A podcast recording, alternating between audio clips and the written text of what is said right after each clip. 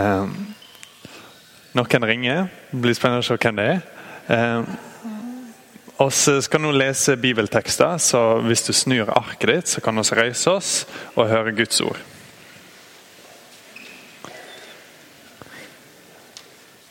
Det står skrevet i Johannes evangeliet kapittel 5. Og Jesus sier Dersom jeg vitner om meg sjøl, er vitneutsegna mi ikke gyldig. Men det er en annen som vitner om meg, og jeg vet at den vitneutsegna han gir meg, er sann. Det sender båd til Johannes, og han har vitner for sanninga. Jeg trenger ikke vitneutsegner fra mennesket, men jeg sier dette så det skal bli frelste. Johannes var ei lampe som brann og lyste, og ei lita stund vil det glede dere i lyset hans. Men jeg har ei vitneutsegn som er sterkere enn den Johannes ga, de gjerningene Far gjev meg å fullføre. Og det er disse gjerningene jeg gjør, som vitner om at far min har sendt meg. Ja, far som har sendt meg, har sjøl vitna om meg. Hans røst hadde jeg aldri hørt. Hans skapnad hadde jeg aldri sett og hans ord let ikke bli værende i dykk, for det tror ikke på den han har sendt. Det gransker Skriftene, for det mener at det har evig liv i dem. Men det er de som vitner om meg. Likevel vil det ikke komme til meg så det kan ha liv. Jeg tar ikke imot ære av mennesker, tvert imot, for jeg kjenner dere og vet at jeg ikke har Guds kjærlighet i dere. Jeg er kommet i navnet åt far min, og det tar ikke imot meg. Kommer det en annen i sitt eget navn, tar de imot han. Hvordan kan de tro det som vil ha ære av hverandre, og ikke søke ære hos den eneste Gud? Tro ikke at jeg vil klage dere for far. Den som klager dere, er Moses, han som dere har sett dere håp til. For hadde dere trodd Moses, hadde òg trodd meg, for det er om meg han har skrevet. Men, men når det ikke tror Skriftene hans, hvordan kan det da tro ordene mine? Slik lyder Herrens ord.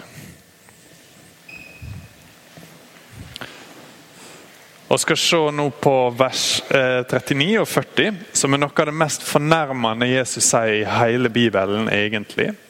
Eh, han snakket til de jødiske lederne her, og som dere vet, så er han ganske kritisk mot dem. Og de er ganske kritisk mot ham.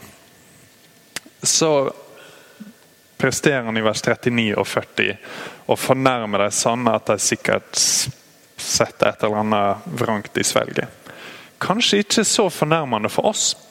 Når vi leser Bibelen, så er det en del andre ting som oss stopper opp med og tenker dette er det merkeligste jeg har hørt i mitt liv.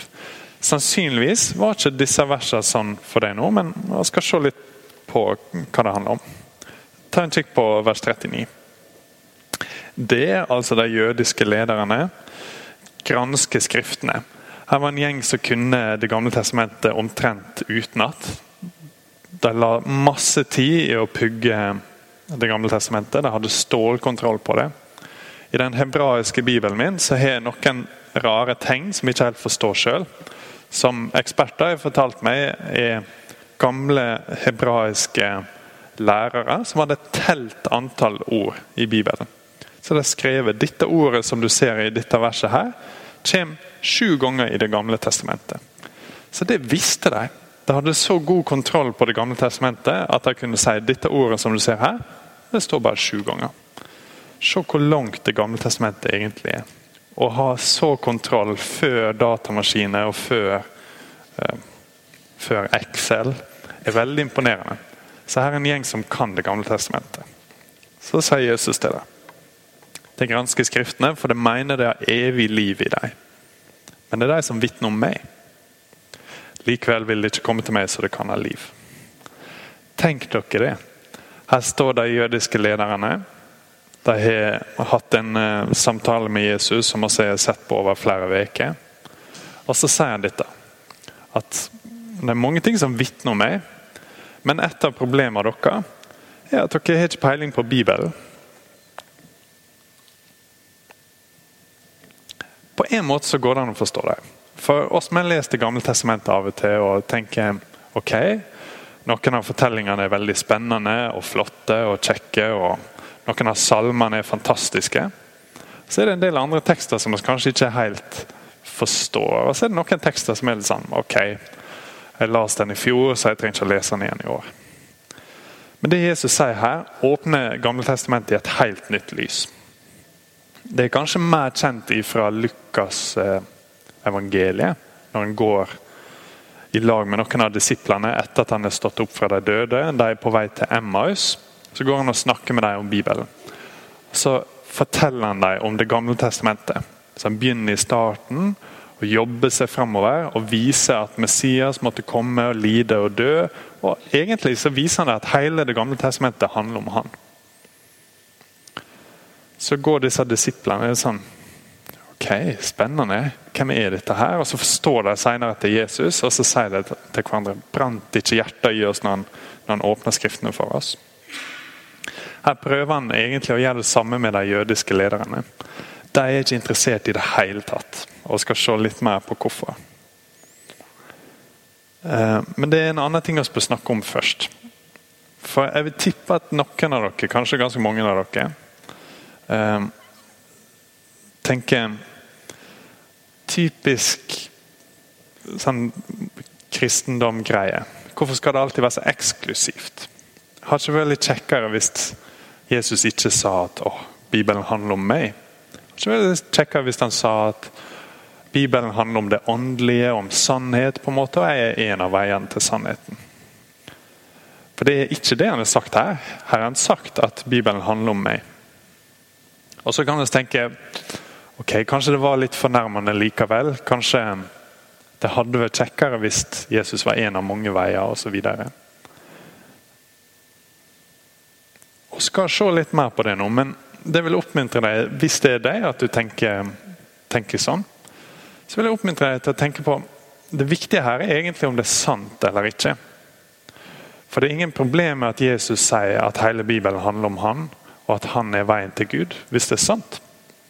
For Tenk deg at uh, du har en god venn som er forfatter, som kommer til deg og sier at du, den forrige bestselgeren min, den som er solgt eh, titusenvis av kopier, den handler egentlig om deg. Så ut fra vennskapet vårt og ut fra det jeg vet om deg, så syns jeg det var inspirerende. Så du er hovedperson i den boka. Du er kanskje lagt merke til. Så syns du det er litt kult, så går du på Mega, og så sier du det til noen. da, at 'Forresten, har du lest den boka? Den handler om meg.' Så tenker jeg i alle dager, hvor overlegen går det an å være? Jeg har lest den boka. Faktisk så tror jeg kanskje den handler om meg. Um, så hvem er du som tror at den handler om deg? ikke sant? Du er ikke overlegen i det hele tatt. Du har bare sagt noe som er sant. Faktisk hadde det vært falskt av deg å si at jeg har aldri hørt om den boka og kjenner meg ikke igjen i den. Sammen med en sang. ikke sant? Hvis du kjenner en artist som skriver sanger, og som tenker å, din skjønnhet, forhåpentligvis hvis du er dame, da, er så stor at jeg skal skrive en sang til deg, osv. og Så så sier du dette til ungene dine en dag. at du, Den sangen som vi akkurat hørte på radioen, den er om meg. Og så tenker de Hvem er du egentlig? Klart den ikke er om deg. Folk skriver ikke sanger om vanlige folk. på en måte. Igjen, samme greia. Hvis det er sant, så er du bare en ydmyk person som har sagt sannheten. Hvis det ikke er sant, så er du sannsynligvis tulen og bør kutte litt ned på tran. Så det Jesus sier her er totalt uinteressant hvis det ikke er sant. Og hvis det er sant, så er det noe av det mest spennende han sier i hele Det nye testamentet, for det å åpne Bibelen på en ny måte. Men uavhengig så er det ikke en overlegen ting. Det er ikke en ekskluderende ting som vi bør forkaste før vi har sett på det. Iallfall. Så stikk og se litt mer på eh, denne teksten. Hvis vi går helt opp til toppen, så står Jesus egentlig og forsvarer seg sjøl. Så han fører frem vitner, kan du si. da. For de har kommet, og de er klare til å dømme han, og så sier han ok, så kan gå gjennom vitner. Så sier han dersom jeg vitner om meg sjøl, er ikke vitneutsagnet mitt gyldig. For etter jødiske regler så kunne ikke du bare komme inn i rettssak og si jeg er uskyldig. Du måtte ha vitner. ikke sant? Så da sier han ok, så kan spille etter de reglene. Hva med vitne nummer én? Så kommer han med Johannes. Så Hvis du ser vers 33 Det sendte både til Johannes, og han vitner for sanninga. Johannes eh, døperen var kjempepopulær. Hvis du leser i starten av Markusevangeliet, så står det at hele verden gikk til Johannes for å høre på ham. Det var selvsagt en overdrivelse, men så populær var han at det var en overdrivelse de måtte fram til. At han var det kuleste som hadde skjedd på lenge. Eh, her var en som sa ting sånn som det var, og som var spennende. Han virka som han kanskje kunne være en skikkelig profet på første gang på mange hundre år.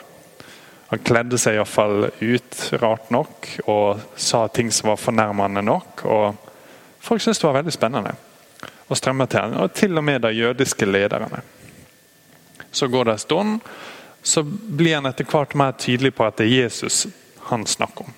At Johannes sitt store budskap er Jesus. Han sier, som han skal synge senere i gudstjenester, Se, her er Guds lam som ber vekk, ber vekk synden i verden, osv. Så, begynner han å bli litt mindre populær. For noen er åpne for det budskapet, men som vi har sett, de jødiske lederne syns det er en kjempedårlig idé. Så går det enda litt mer tid.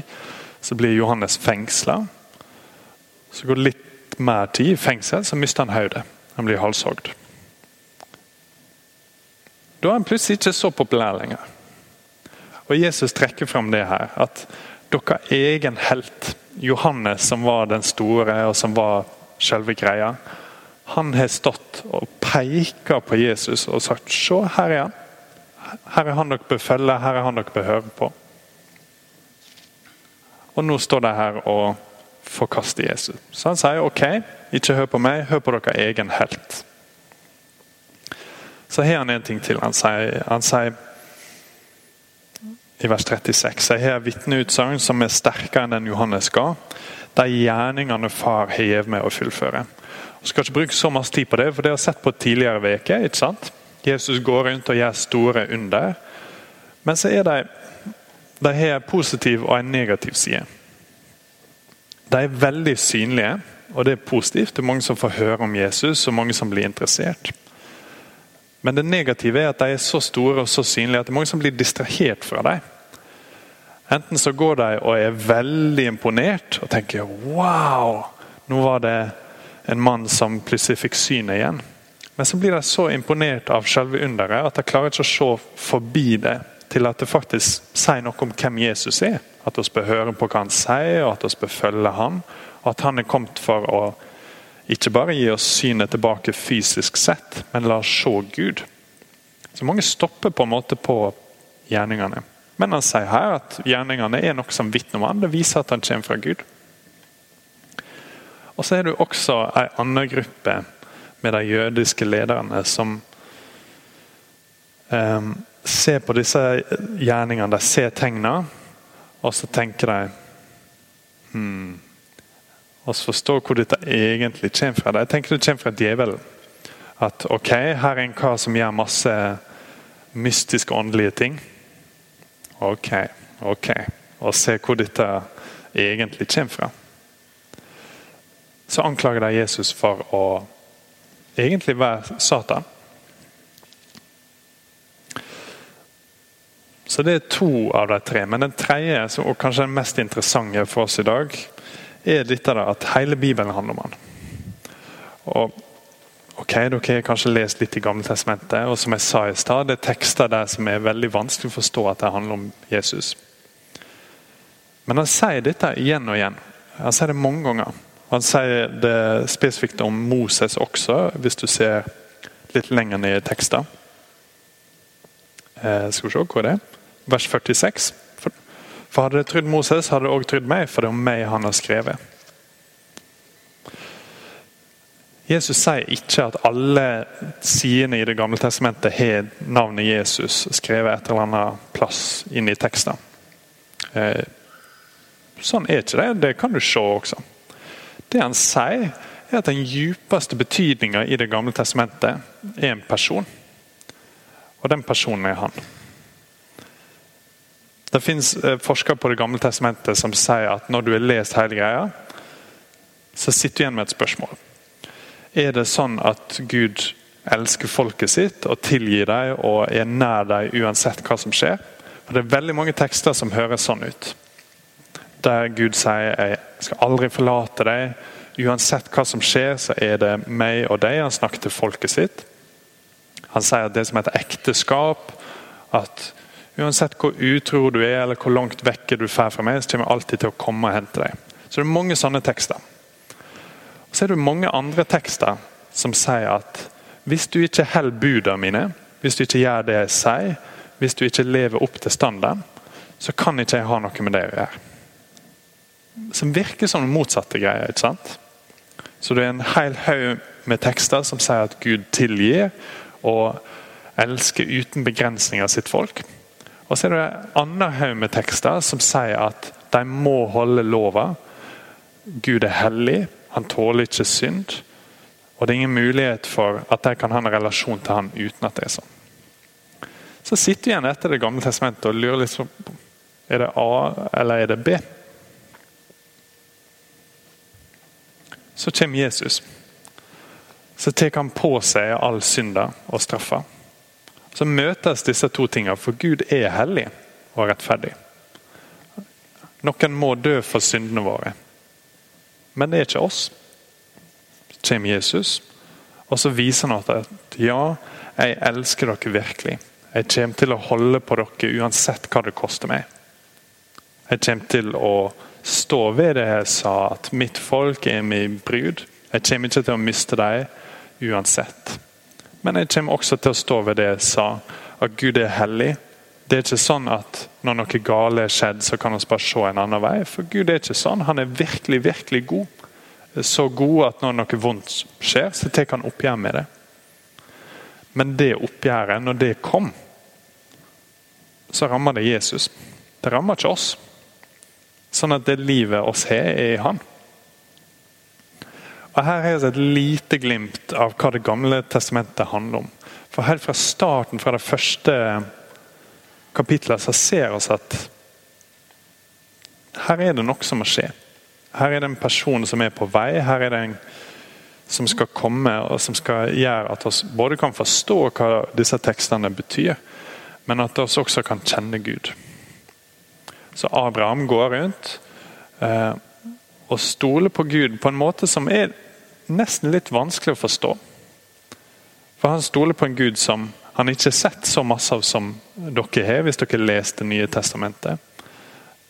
Men likevel så viser det seg at Gud sender Jesus. Han kommer og tilgir våre synder. Dette handler hele Bibelen om. Og så er det ikke tid til mange eksempler, men vi kan ta et kjapt et. Tenk på hvis du var en jøde så skal du fortelle din egen historie. Så sier du ok, jeg var i Egypt. Forfedrene mine var der lenge. oss var slaver, ting var krise. Og jeg var, jeg var en slave, rett og slett. Så sendte Gud ei stor frelse, og i påska så frier han oss ut fra det slaveriet og førte oss ut. Og nå er jeg på vei mot et nytt land. Jeg har ikke kommet dit ennå. Jeg gleder meg skikkelig. Og jeg er veldig spent på hva det skal bli, men Gud leder meg dag og natt. Så spoler du fram x antall tusen år. Så sitter du her. Har du tenkt på at du kan si nesten akkurat det samme? Klart, ok, Du har forhåpentligvis ikke vært slave i Egypt, men Bibelen omtaler oss som slave under synder. I påska så han frier oss ut. Og Nå er vi et nytt folk som er på vei mot et lova land. Vi har ikke vært der ennå og er spent på hvordan det blir, men han leder oss dag og natt med sin hellige ande. Det er tusen sånne paralleller gjennom hele Bibelen. Ehm, forhåpentligvis så kan vi ta flere tekster fra Det gamle testamentet framover. Og så er det litt for masse i Det nye testamentet, egentlig. Ehm, men også nå i dag når vi er i Det nye testamentet, så ser vi at Jesus kom for å frelse oss. Og En av tingene han sier, er at hele Bibelen handler om meg. Men de vil ikke komme til han, så de kan ha liv. Se, en gang til på vers 39. Det gransker Skriftene, for det mener det har evig liv i dem. Men det er de som vitner om meg. Likevel vil de ikke komme til meg, så det kan ha liv. Det er det vil dere skal sitte igjen med nå. Det er ikke noe evig liv i Bibelen utenom Jesus. Og Han står her og sier til dere nå at kom til meg, så dere kan få det evige livet. Jeg vet ikke forklart alt om hvordan Bibelen handler om Jesus og hva det egentlig han mener her, men dette forstår dere. Jesus står der til de jødiske lederne, men han sier det også til dere. Han sier 'stol på meg'. Det er jeg som er greia her. Det Hele Bibelen handler om meg. Det var jeg som skulle være den store frelser. Vil dere komme til meg, så skal dere få evig liv. De var svært lite interessert. Men kanskje er du her nå for første gang, eller for første gang på lenge, eller kanskje du har vært her ofte og tenker hm, har jeg egentlig kommet til Jesus og tatt imot evig liv? Hvis det er deg, så har du den muligheten nå til å ta to sekunder etterpå i bønn og si til Jesus at OK, jeg kommer. Jeg forstår ikke alt, jeg har ikke alle svarene, men jeg ser dette med at en synd må ha sin straff, og jeg ser at du har tatt den straffa. Så jeg kommer til deg nå og vil ha det livet du har å gi. Eh, og Hvis du er her og har vært tusen ganger før og tenker ja, dette er meg, jeg kjenner dette livet og har dette håpet, så er det fortsatt en oppmuntring til deg. Okay? Hele Bibelen handler om Jesus. Kanskje du skal lese litt mer i Gamle Testamentet og bli mer kjent med han der også. Men kanskje aller viktigst gå til han du også. Ikke finn ditt liv en annen plass. For han er det. Han har gitt det til deg. Så la oss alle gå til han nå i bønn. Kjære Jesus, oss takker deg for at du viser oss at hele Bibelen handler om deg. Og takker deg for at det håpet som du gir, og den frelser som du ga, ikke er noe som bare handler Det handler om noen få sider her i Johannes, men at ditt ord har peka fram til dette hele tida. Og dette var din plan fra starten av, at vi skulle få deg, og at vi skulle få være nær deg. Så vi ber om det nå. La de frelse fylle oss, eh, og la kjærligheten vår til deg strømme over. Amen.